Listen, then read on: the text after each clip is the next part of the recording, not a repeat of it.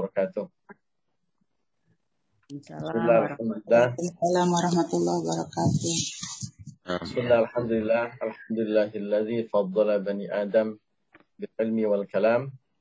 Salatu wassalamu ala sayyidil anam Muhammadin wa ala alihi wa sahbihi alladhi nurul zalam amma ba'd. Subhanaka la ilma lana illa ma 'allamtana innaka antal alimul hakim. رب اشرح لي صدري ويسر لي أمري واحلل عقدة من لساني يفقهوا قولي. رب زدني علما وارزقني فهما برحمتك يا أرحم الراحمين. اللهم أنت ربي لا إله إلا أنت خلقتني وأنا عبدك وأنا على عهدك وعهدك ما استطعت. أعوذ بك من شر ما صنعت.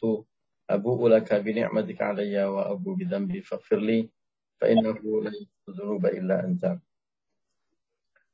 لرضا الله ولشفاعة رسول الله ولكل نية صالحة ولكل جواب المسؤول.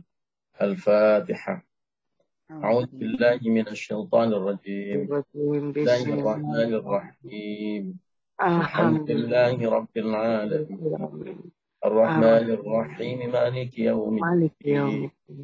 إياك نعبد وإياك نستعين اهدنا الصراط المستقيم صراط الذين أنعمت عليهم غير المغضوب عليهم ولا الضالين Bapak Ibu dan teman-teman yang dimuliakan Allah, Alhamdulillah hari ini kita bisa bersilaturahmi kembali, ngaji bersama-sama. Tadabur Al-Quran, kita sudah sampai di surat Al-Kahfi.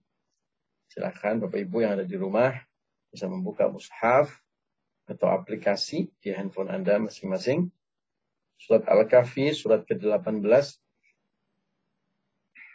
juz ke juz ke-16 ya. Oh, juz ke-18 juga. Betul kah? 15 toh. Juz, oh ya, juz ke-15. Suratnya surat ke-18. Yeah. Baik. Kita kemarin ngaji sampai di ayat ke 19. Eh 18. Nah, ini ini serba 18. Ini surat ke-18 ayatnya ke-18. Ya. Dan kita akan melanjutkan kajian kita hari ini mulai ayat ke-19. A'udzubillahi minasyaitonirrajim. Bismillahirrahmanirrahim. Terakhir kita ngaji belajar tentang bagaimana Allah dengan kekuasaan Allah, dengan kemahamampuan Allah, menidurkan ashabul kafi di gua dengan sangat indah. Mereka merasa sangat nyaman tidur dan tidak diganggu orang karena gua itu dibuat sedemikian rupa apabila ada orang melihat itu takut sehingga tidak ada yang mendekat. Padahal di dalam ada pemuda-pemuda beserta anjingnya yang sedang tidur dengan sangat lelap, dengan sangat nyaman. Ya. Nah, di ayat ke-19 ini adalah episode ketika mereka dibangunkan dari tidur mereka. A'udzubillahi minasyaitonirrajim. Bismillahirrahmanirrahim. Wa kadzalika ba'atsnahum. Wa kadzalika dan demikianlah. Ba'atsnahum kami Allah membangunkan mereka, membangkitkan mereka. Ya, setelah tidur begitu panjang, begitu lama, mereka dibangunkan oleh Allah. Liatasa alu bainahum. Kemudian mereka saling bertanya-tanya bainahum di antara mereka. Ya. Apa yang mereka pertanyakan, apa yang mereka diskusikan? Qala salah satu di antara mereka qailun ada yang berkata, orang yang berkata, ya. Minhum sebagian dari mereka, kam labithum. Berapa lama kalian tinggal di sini? Maksudnya sudah tidur berapa lama? Ya, sudah berapa lama kita ada di gua ini? Ya. Kenapa mereka bertanya-tanya demikian? Karena ketika bangun mereka melihat tidak ada yang berubah di antara mereka. Ya, secara fisik masih tetap sama. Pakaian yang mereka pakai juga masih sama. Andai mereka kumisan dan jenggotnya, kumis dan jenggotnya juga masih sama. Tidak ada nyaris tidak ada yang berubah sama sekali dari mereka. Padahal kemudian belakangan mereka juga nanti akan tahu, kita semuanya tahu bahwa mereka sudah tidur di gua itu selama ratusan tahun. 309 tahun. Tapi mereka merasa awalnya bahwa semuanya baik-baik saja, tidak ada yang berubah di diri mereka. Ketika mereka bangun, badan mereka tidak berubah, kulit mereka tidak berubah, tidak menjadi menua, ya. Jenggot dan kumisnya juga tidak memanjang. Baju mereka juga baju yang mereka kenakan ketika mereka tidur. Ya. Sehingga di antara mereka bertanya, eh kita sudah berapa lama ya di gua ini? Kalau kemudian mereka berkata, ya mereka kan beberapa orang, nanti soal jumlahnya juga dibahas di ayat berikutnya. Ya. Labithna, sesungguhnya kami telah, kita semua telah berdiam di gua ini, yauman au ba'da yaum. Ya, sehari, yauman, sehari. Au ba'da yaum atau setengah hari. Ya. Kenapa mereka mengatakan kita di sini sehari atau setengah hari. Karena pada saat mereka masuk ke dalam gua, disebutkan di ayat sebelumnya, ya, matahari itu kurang lebih menunjukkan waktu sedang di pagi hari. Matahari masih ada di sebelah timur, ya, yang menunjukkan waktu itu masih pagi, kemudian mereka istirahat sejenak, lalu mereka tertidur, dan mereka pada saat terbangun itu matahari sudah mulai condong ke barat. Ya, sudah sore. Jadi mereka berpikir mereka tidur pagi sampai sore sampai siang saja. Ya, maka disebutkan yauman au ba'da yaum satu hari atau setengah hari ya mungkin kurang lebih setengah hari. Ya, ya. Ketika mereka sedang berdiskusi tersebut, lalu salah satu di antara mereka yang mengatakan qalu mereka berkata, salah satu di antara mereka ada yang berkata atau sebagian dari mereka berkata, Rabbukum sesungguhnya Tuhan kalian a'lamu lebih mengetahui bima labistum dengan berapa lama, bagaimana kalian berdiam atau tinggal. Ya. Jadi jadi ini anu, ini kita belajar tentang prinsip musyawarah. Ya. Musyawarah sebagaimana disebutkan makna dari musyawarah itu sendiri, ya itu berasal dari kata isyarah. Ya. Isyarah itu kalau di dalam bahasa letterlocknya adalah penunjuk ya atau kata tunjuk. Dalam kita belajar bahasa Arab itu salah satu bab awal yang kita pelajari adalah isim isyarah. Ya, kalimat atau kata benda isyarah yang menunjukkan sesuatu atau kata tunjuk. Ya, kata benda tunjuk, isyarah. Ya, menunjukkan sesuatu. Kalau kita kupas maknanya secara uh, bukan hanya lafzi tapi maknawi di balik kata tunjuk itu apa? Ya, petunjuk itu biasanya memberikan sesuatu arahan kepada kebenaran atau menunjukkan kepada arah yang benar. Ya, maka kita sering mencari mana petunjuknya. Petunjuk apa? Petunjuk untuk melakukan sesuatu yang benar. SOP-nya mana? Ya, aturannya mana? Ya, jadi eh, kata tunjuk itu bukan hanya sekedar tunjuk yang tidak bermakna, tetapi bermakna positif, mengarahkan seseorang pada jalan yang benar. Ya, Itulah yang kemudian makna yang lebih luas dari kata isyarat. Ya, maka isyarat itu isyarat kebenaran. Hmm. Sama anak-anak muda sekarang itu isyarat kemudian diterjemahkan jadi lagunya siapa? Isyarat cinta. Wah, artinya isyarat cinta. Nah, sebenarnya as, makna asalnya adalah isyarat tentang suatu kebenaran.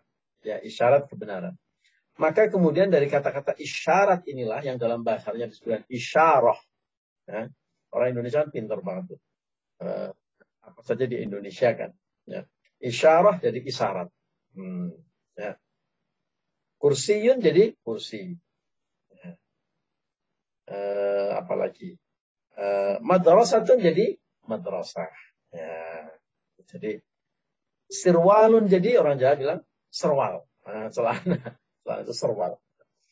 Maka isyarah dalam bahasa Arab Bahasa Indonesia-nya jadi isyarat. Nah, isyarat ini menunjuk makna bahwa petunjuk ke arah kebenaran. Maka kemudian dari kata isyarah inilah muncul kalimat musyawarah. Apa musyawarah? Saling memberi isyarat. Nah, ini kalau dalam bahasa Arab itu pembentukan kata kalau mengikuti wazan tafa'ala ya tafa'alu ya. Jadi itu saling bermakna saling dan jadi isyarat musyawarah. Itu saling memberi isyarat. Ya. Isyarat apa? Isyarat kebenaran. Jadi musyawarah adalah suatu tempat proses di mana orang mencari kebenaran dengan menggali pandangan, ide, perspektif, isyarat-isyarat kebenaran dari semua peserta musyawarah.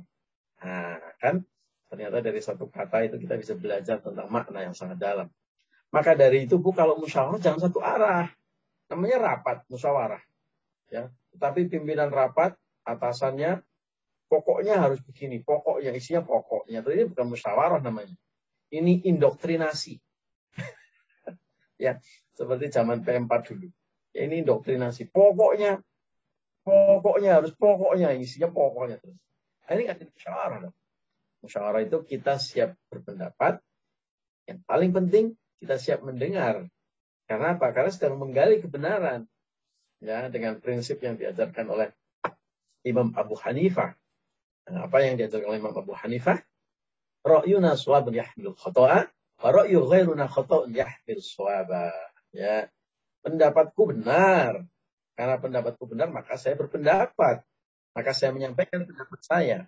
Tapi yahmil khoto' bisa jadi di dalam pendapat saya itu ada kesalahan. Karena kemungkinan ada kesalahan, saya mau belajar, saya mau mendengar pendapat Anda setelah saya berpendapat. Karena uh, apa namanya ghairuna khota'un yahmilu suwaba. Pendapat yang bertentangan dengan kita itu salah. Tapi bisa jadi meskipun salah itu ada kebenarannya.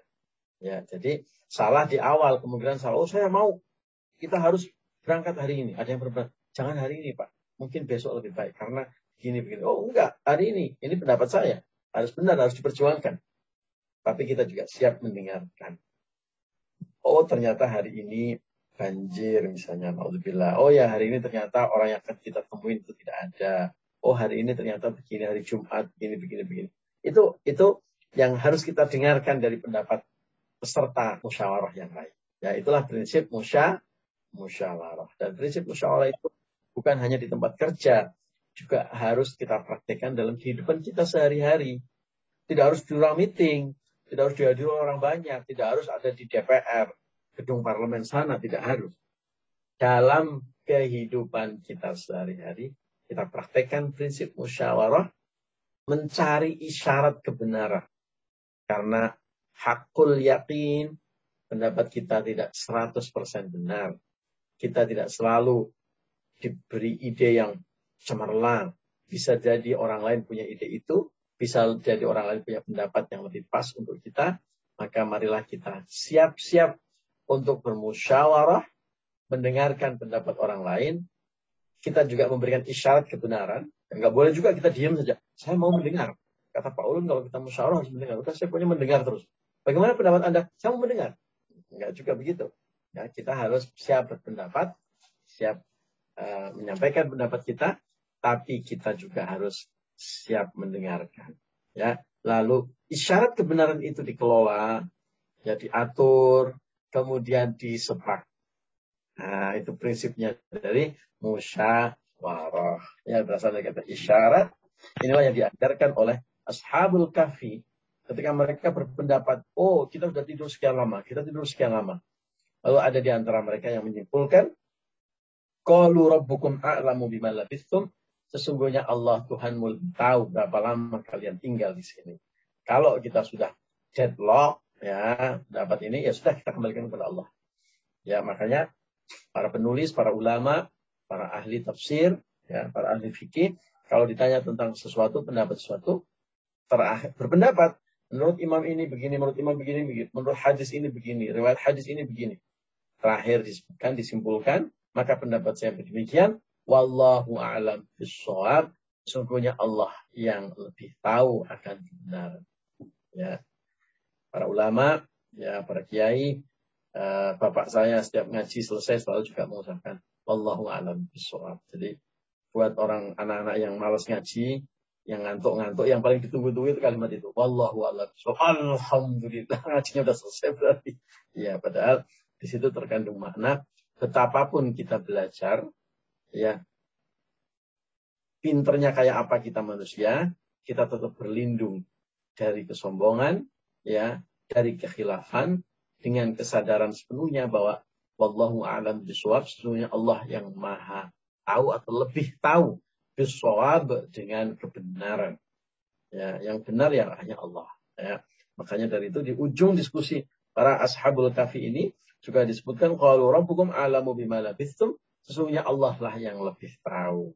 Ya, sudah selesai diskusi kalau Allah yang lebih tahu. Ya. Tapi di awal ditunjukkan mereka saling berpendapat. Gak apa-apa saling berpendapat. Ya. Lalu cari konsensus, ya, cari kesepakatan sambil kemudian berlindung. Wallahu alam bisawab. Sesungguhnya Allah lah yang paling tahu atas semua urusan kita. Ya. Fab'athu setelah mereka berdiskusi berapa lama kita tinggal di sini ya. ya. Kemudian salah satu di antara mereka fab'athu maka bangunlah maka suruhlah ya ahadakum. Salah satu di antara mereka disuruh. Ya. Disuruh untuk apa? Biwarikikum hadihi ilal Madinah dengan uang perak atau uang logam ini, ya pergilah kamu ke kota. Dalam tilawah yang lain, biwarikikum itu juga bisa uh, dibaca dengan sedikit uh, perbedaan kalimat ya. Biwarikum ya. Ada juga yang biwarikikum ada yang biwarikum ya. Jadi kalau ada satu yang membaca demikian jangan kaget ya. Itu berarti mengikuti satu tilawah yang lain. Ya, buat kita ya yang ikut standar saja biwarikikum. Dengan uang perak kalian, uang logam kalian, pergilah ke Madinah, ke kota. Salah satu di antara mereka diutus untuk pergi ke kota. Ya. Untuk apa ke kota? Falyanzur. Untuk melihat. Ya. Jadi melihat ini juga memperhatikan. Melihat ini juga bisa mencari ya. Ayyuha aska ta'aman. Makanan apa yang paling suci paling baik paling halal dan thayyib nah itu para para mufasir kemudian menerjemahkan aska itu bukan uh, pengertiannya bukan semata-mata suci tapi juga halal thayyib dan lezat. Uh, ya kita lihat nih ayat ini menarik ini. Pertama ayat ini mengisyaratkan bahwa meskipun sepele, kalau pergi dia bawa bekal. Ya. Bekal itu ya bisa makanan, bisa minuman. Ya, yang paling penting tentu adalah uh, zadi at-taqwa. Ya. Kalau kita mau pergi, berbekal lah. Ya. Dan sebaik-baik bekal adalah at-taqwa. Sebaik-baik bekal adalah takwa. Ya, takut kepada Allah. Kalau mau bepergian, ya takutlah kepada Allah. Kalau nggak takut kepada Allah, terlalu banyak cobaan di jalan. Ya. Baru keluar perempat, satu perempatan dari rumah, wah itu sudah godaan sudah banyak sekali. Ya. Maka uh, agama kita mengajarkan kalau kita safar ya berbekal yang cukup agar kita tidak merepotkan orang lain dan merepotkan diri sendiri. Ya bensin diisi, ya dompet diisi, ya uh, kalau mau makan, bawa makanan dan minuman juga bawa makanan minuman yang sehat. Tentu dengan Eh, diwadahi wadah yang sehat dan uh, bagus ya Pak Cita ya. Itu, pesan sponsor. Tapi bukan itu yang mau kita bahas. Nah yang lebih penting bekal yang paling penting adalah bekal takwa. Ya, tapi ayat ini mengajarkan kepada kita bagaimana mereka ketika lari ke uh, apa namanya gua mereka masih membawa uang logam ya itu pertanda bahwa sebagai musafir ya kalau kita pergi bawa bekal yang cukup agar tidak merepotkan orang lain dan merepotkan diri sendiri. Yang kedua, ketika mereka pergi ke kota, ya, mereka akan mencari apa? Makanan. Jadi ini memang orang musafir ya, orang yang bepergian itu mau uh, uh, silakan baby ya mudah-mudahan sehat selalu ya. Mau bepergian bawa bekal, biasanya yang salah satu yang paling penting adalah makanan. Ketika mereka sudah bangun tidur bermusyawarah sejenak ngobrol sejenak lalu mereka lapar Ya, lalu disuruhlah salah satu di antara mereka untuk mencari makan di kota. Ya, jadi boleh. Nah, mencari makannya apa? Nah, ini perhatikan kalimat azka. azka ini suci, ini satu kalimat yang kita pakai juga satu uh, sumber kata yang yang yang kita pakai juga untuk menyebut zakat. Maka zakat itu berarti suci. Kenapa suci? Kalau ada harta, kita punya harta nggak dizakatin, hartanya menjadi kotor. Ya, kenapa kotor? Karena dalam proses pencarian uang ini bisa jadi kita menyakiti hati orang lain. Bisa jadi kalau karyawan korupsi-korupsi waktu sedikit. Bisa jadi mendolimi hak orang lain. Bisa jadi bahkan uh, berbuat sewenang-wenang yang nyerempet-nyerempet dengan yang dilarang oleh Allah. Nah, maka itu semua harus dibersihkan. Nah, dibersihkannya dengan apa? Dengan zakat. Dan itu salah satu rukun Islam. Dan itu perintah Allah. Jelas hud min amwalihim. Ambillah. Nah, maka dulu Abu Bakar memerangi orang-orang yang tidak mau membayar zakat karena ayatnya jelas ambillah itu fiil amar kata perintah. Ya, kalau orang nggak mau bayar ya harus dipush, harus diambil hartanya. Nah, kalimat itu juga buat sebagian orang juga bermakna kalau kita nggak mau membayar zakat, Allah yang akan ngambil harta kita dengan segala macam cara. Ya, ada yang caranya dengan naudzubillah diberi musibah sehingga hartanya hilang, ya, diberi kerugian kalau orang berdagang sehingga hartanya habis, ya diberi uh, apa namanya bencana sehingga musnah semua yang dia miliki, dicuri orang, diambil orang dan sebagainya, dizalimi orang. Itu sebagian memaknai demikian. Buat saya pribadi, saya meyakini bahwa perintah Allah tidak tidak ada satupun yang salah dan khilaf dan itu pasti baik untuk kita. Syariat itu pasti baik untuk kita. Ya, ya kalau kita nggak bayar zakat, yang pasti mau diambil mau tidak harta. Karena nanti kalau ada orang yang saya nggak bayar zakat tapi harta saya terus bertambah. Ya bisa jadi itu bagian dari istidraj. Allah ngelulu kita. Ya terus biarin aja kaya terus biar semakin jauh dari Allah. Ya kita lihat sebagaimana eh, bagaimana dia bisa berubah atau tidak, taubat atau tidak. Tapi kalau ada orang yang nantang-nantang, saya nggak zakat tapi harta saya semakin bertambah tuh lihat semakin kaya. Atau lihat itu pengusaha yang uh, tidak pernah bayar zakat tapi hartanya terus bertambah. Maka dari itu buat saya keyakinannya adalah mau diambil atau tidak di dunia itu bukan harta kita. Kalau kita makan ya haram, yang jatahnya zakat kok dimakan sendiri itu ya haram. Kalau haram tentu akan membawa kesengsaraan dunia maupun akhirat. Jadi ya sudah daripada nanti itu membawa kesengsaraan, toh itu bukan harta kita, ayo kita bayarkan, ya, ayo kita tasarufkan, ya, ayo kita tunaikan kewajiban zakat tersebut. Nah itu suci. Nah kembali ke makna ayat ini, jadi ketika mereka mencari to'aman, makanan, itu dicari yang azka, yang paling suci. Nah, kemudian para mufasir, sebagaimana saya singgung sedikit tadi di awal, menerjemahkan azka ini bermacam-macam. Nah, tapi tetap bermuara kepada satu pesan. Mencari makanan yang baik, azka yang suci, yang halal maksudnya, ya, yang juga platingnya indah. Kalau zaman sekarang sudah bicara plating ya, platingnya indah, ya, penyajiannya baik, dan juga toyib. Ya, makanan itu juga makanan bukan hanya halal tapi juga toyib. Ya, toyib itu baik, bagus. Ya, ya bagus itu sampai kalau zaman sekarang ya sampai penyajiannya juga baik. Ya, cara masaknya juga baik dan enak. Nah, ladil. Ya, boleh makan makanan yang enak ini buat santri-santri yang suka apa namanya kuliner. Nah, ini dalilnya ini eh, jadi jadi dalil uh, untuk kuliner. Ya. Bentar Ibu Ibu. Ibu nasi ngawas magi foto kembali ya.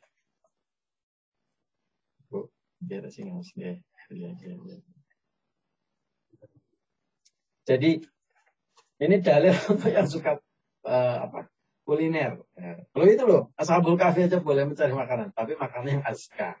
Ya boleh kuliner, tapi nggak boleh koma, nggak boleh berlebihan, ya, nggak boleh uh, juga apa namanya foya-foya ya sekedarnya ya boleh menikmati uh, rizki menikmati hidangan ya menikmati makanan toyib dan halal yang sudah di uh, apa namanya hidangkan atau dipersembahkan atau dianugerahkan Allah kepada kita boleh ya jadi kalau tadi uh, Bu Ami pengen ke Kudus kulineran Kudus boleh ya boleh ya ini Ashabul Kafi juga mencari makanan yang azka ya tetapi yang tidak boleh adalah berlebihan. Yang tidak boleh adalah makan hanya untuk pamer. Ya zaman sekarang eh, SOP makannya kan sudah bergeser. Begitu makanan tersaji, Yang pertama kita lakukan adalah bukan ambil sendok, tapi ambil kamera, ambil handphone untuk foto. Ah, pasang status Instagram, nah, Facebook. Jadi ya sekali boleh, tapi jangan banyak-banyak yang seperti itu ya Bu. Eh, dan dibarengi dengan sodakoh. Ya. Jangan semua pamer makanan terus saya katakan sodakoh. Masya Allah, Masya Allah, dunia, dunia. Cuman sekarang SOP-nya makan pun sampai berubah. Harus difoto dulu untuk dipajang. Ya, oke. Okay. Ya, Bismillah kita niati. Kita niati yang baik, yang solid. Ya kalau foto dengan makanan kita niati untuk membantu penjual makanannya biar viral ya. Niatin begitulah Bu. Ya nggak apa-apa. Ya ada niat-niat pamer sedikit. Jangan banyak-banyak ya Pak. Ya, jadi mencari makanan yang halal dan tayyib, ya azka yang suci, Ya, tentu kalau kita tarik ke belakang mencari makanannya juga dari rezeki yang halal dan thayyib. Nah, mereka mencari makanan yang, yang halal dan thayyib kemudian falyatikum. Kalau sudah dapat makanan itu maka bawalah ya kepada kalian kepada kita semuanya maksudnya dirizki minhu sebagian dari rizki tersebut. Ya rizki ketemu makanan itu makanan yang halal dan thayyib itu rizki bu.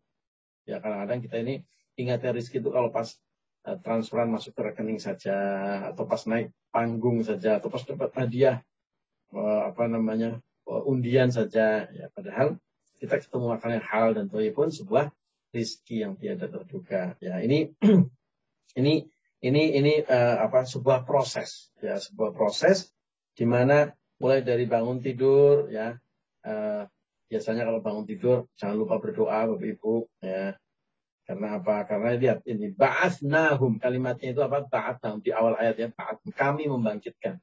Kami membangunkan sesungguhnya e, ketika kita tidur kita itu seperti orang mati. Ya, kita tidak punya kontrol atas diri kita. Nah, kemudian Allah membangunkan kita.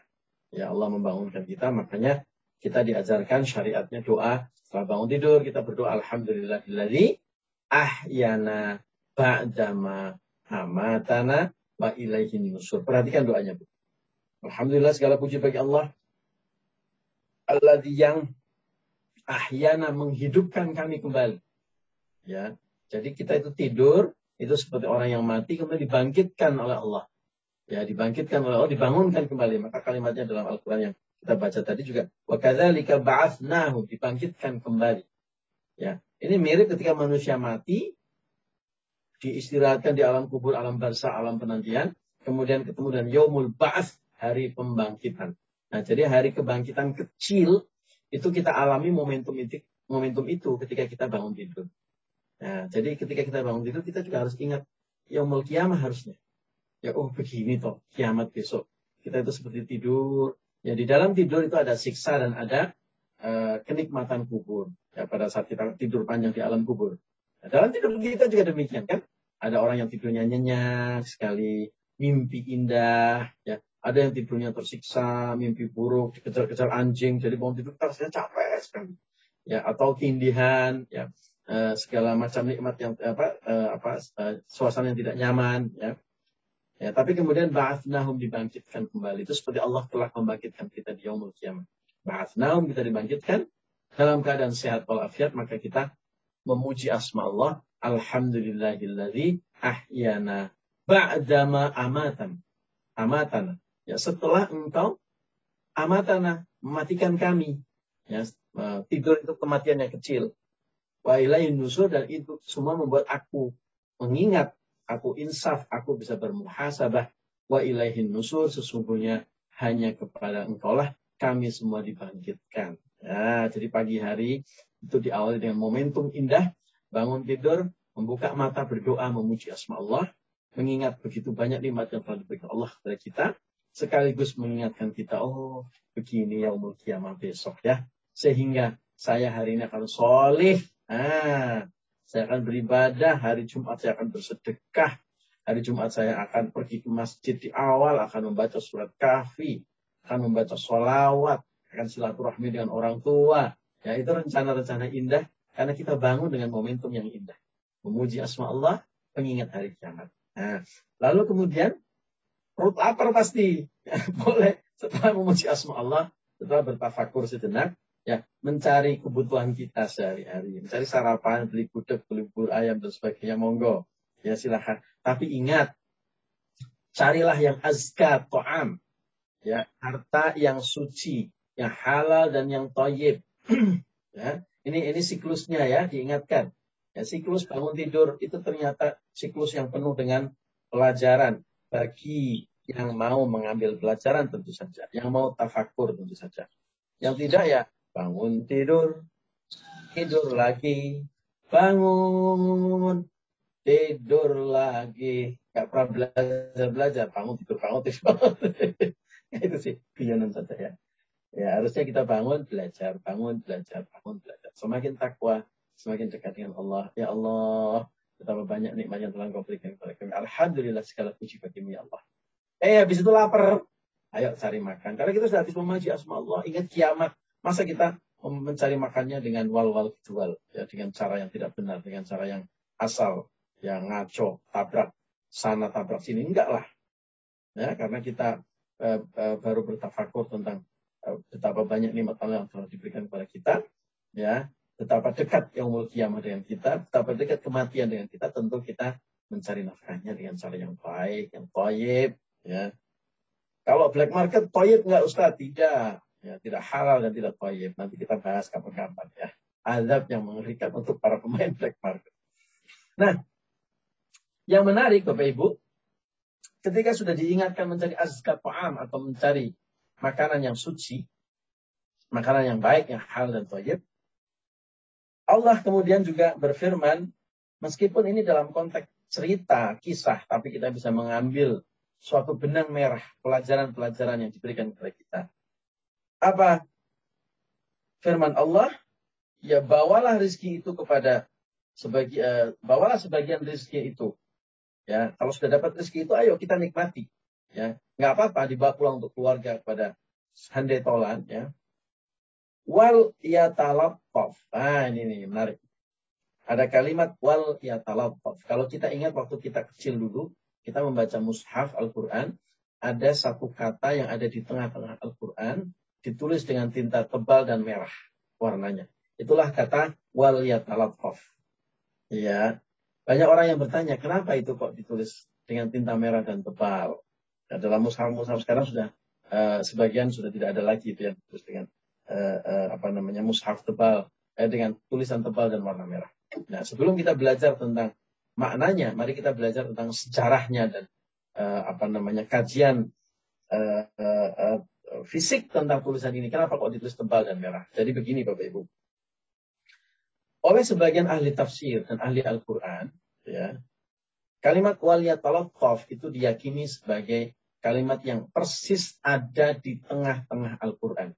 Maka di dalam Al-Quran atau mushaf yang ada tulisannya merah dan tebal wal biasanya di pinggirnya ditulis nisfu. Nisfu itu artinya separuh. Nisful Quran artinya separuh dari isi Al-Quran. Nah, kemudian ceritanya, oleh percetakan Al-Quran yang dulu banyak beredar di Indonesia, itu asalnya dari Mumbai atau Bombay. Ya, dicetak di India pertama kali. Mushaf Usmani yang dicetak di India pertama kali, itulah yang menulis wal yatalattaf dengan warna merah. Kemudian Quran itu dibawa ke Indonesia, lalu percetakan-percetakan di Indonesia mengikuti, meskipun sudah dicetak di Kudus, di Semarang, di Surabaya, di Jakarta, mereka mengikuti model cetakan Quran Bombay tersebut. Ya.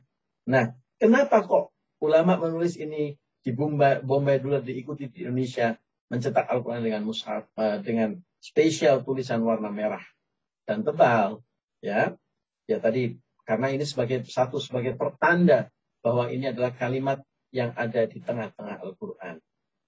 Secara spesifik kenapa merah? Ada juga yang berpendapat karena ini sebagai peringatan. Dulu ketika Sayyidina Utsman bin Affan terbunuh, beliau sedang membaca Al-Quran. Dan darahnya menetes persis tetesannya itu terkena di tulisan waliyatalattaf. Meskipun kemudian para ahli sejarah banyak yang mengoreksi pendapat ini. Karena kemudian para ahli sejarah mempunyai bukti yang cukup kuat, ya termasuk mushaf yang sekarang masih tersimpan rapih di sebuah museum di Uzbekistan, ya, itu sebenarnya memang betul ada tetes darah Sayyidina Utsman yang mengalir, tapi menetesnya di surat Al-Baqarah, tidak di surat Al-Kahfi, khususnya di kalimat walnya talattaf. Buat kita itu adalah simbol-simbol. Ya, tetapi di balik simbol itu yang paling penting kita belajar maknanya. Nah, gitu ya. Jadi terlepas itu benar atau tidak, ya, yang paling kita penting kita belajar maknanya. Ada apa di balik itu? Kalau saya secara pribadi, ya, yakin betul Ya, tidak ada satupun yang terjadi ini lepas dari skenario Allah. Termasuk ketika ada kalimat waliyatalattaf yang ada di tengah Al-Quran. Nah, jadi saya dibandingkan berkontroversi tentang apakah betul darahnya Sayyidina Utsman itu menetes di kalimat waliyatalattaf atau surat Al-Baqarah atau tidak. Ya, yang penting buat saya adalah buat kita semuanya belajar. Ada apa di balik makna waliyatalattaf? Nah, ini yang lebih penting menurut saya. Ternyata Bapak Ibu, di dalam kalimat waliyatalataf itu ada satu message, ada suatu makna ya yang sangat dalam. Ini syarat dengan makna kalimat ini. Kalimat ini berasal dari kata kerja atau fiil latofa. Ya, yang kemudian juga berubah maknanya salah satu perubahannya menjadi latif atau latifah. Ya, jadi kalau ada yang namanya latifah ini sama dengan kalimat ini. Apa makna latofa? Artinya kita bersikap lemah lembut, ramah, sopan santun, ya dengan bersikap penuh attitude, penuh kesop norma-norma kesopanan.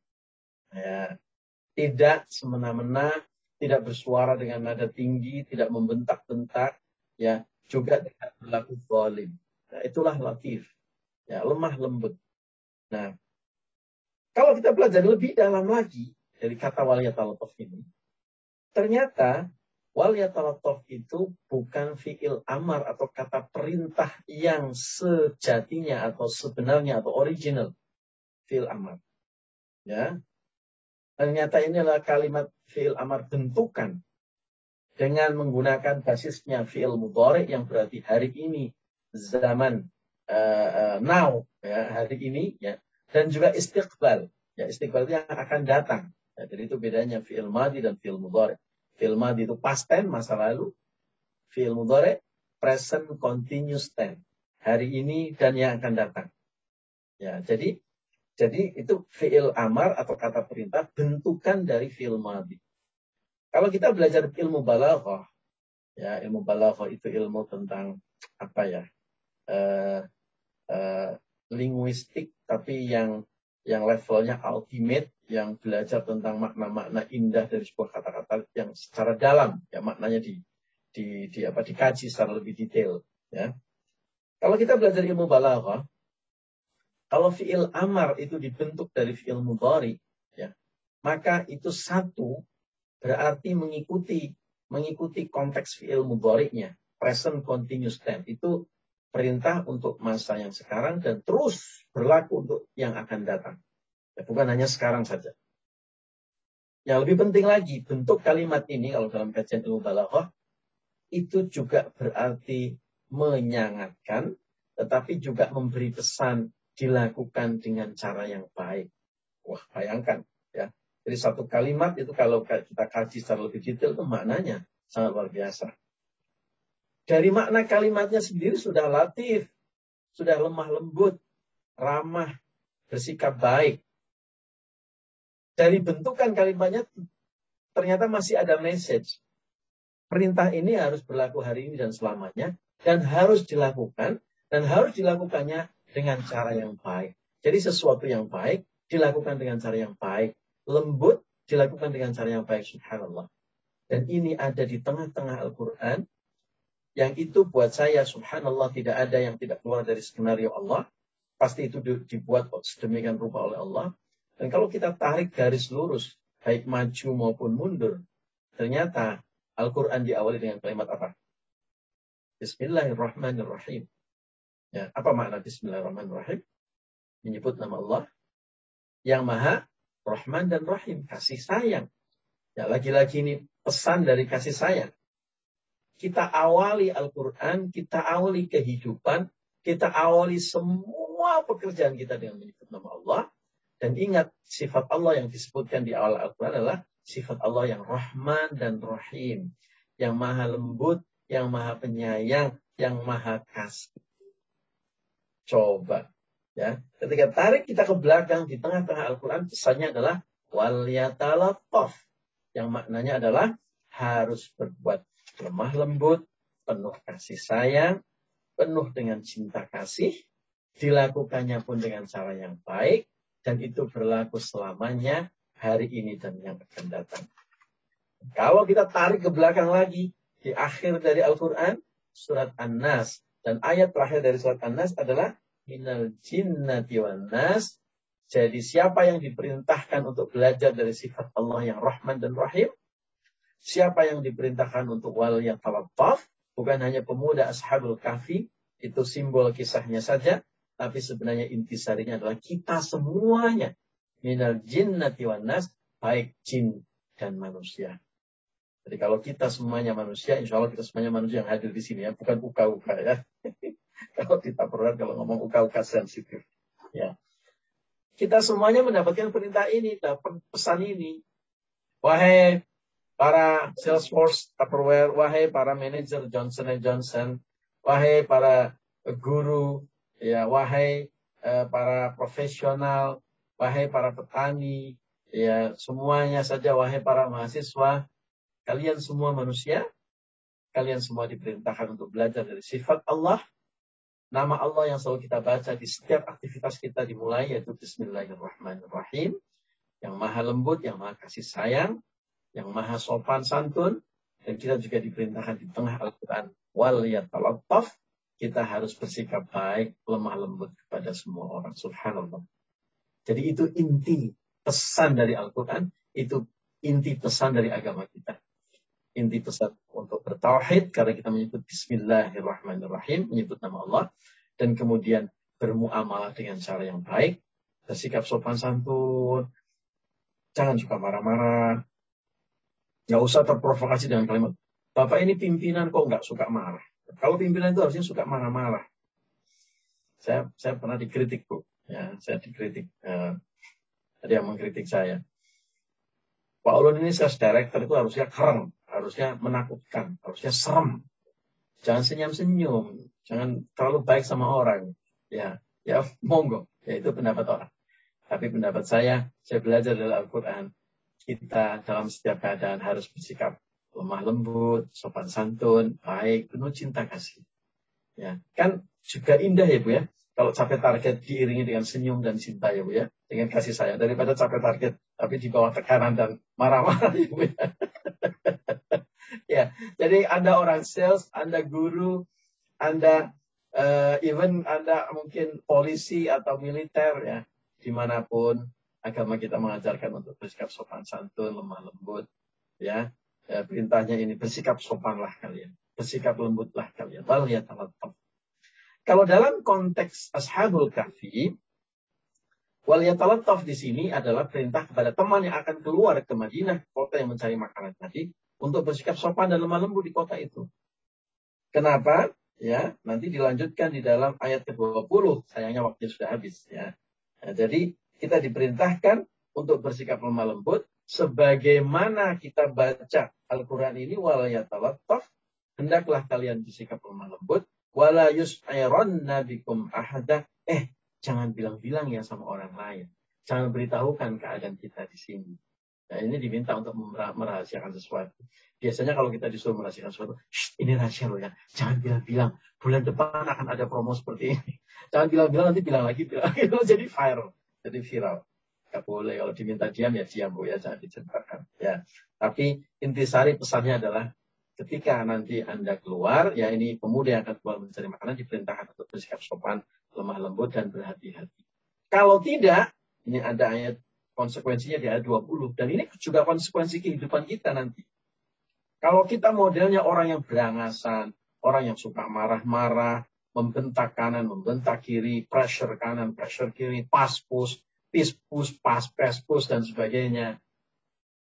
Maka itu ada risikonya juga buat kehidupan kita. Maka itu nanti juga akan balik juga ke kita. Apa itu risikonya di ayat 20? Insya Allah kita pelajari hari Rabu minggu depan. Terima kasih Bapak Ibu. Saya pamit, waktunya sudah cukup siang. Nanti akan kita lanjutkan ngobrol sebentar dengan teman-teman ada di Zoom. Allahul muwaffiq ila khamit tariq minkum. Wassalamualaikum warahmatullahi wabarakatuh.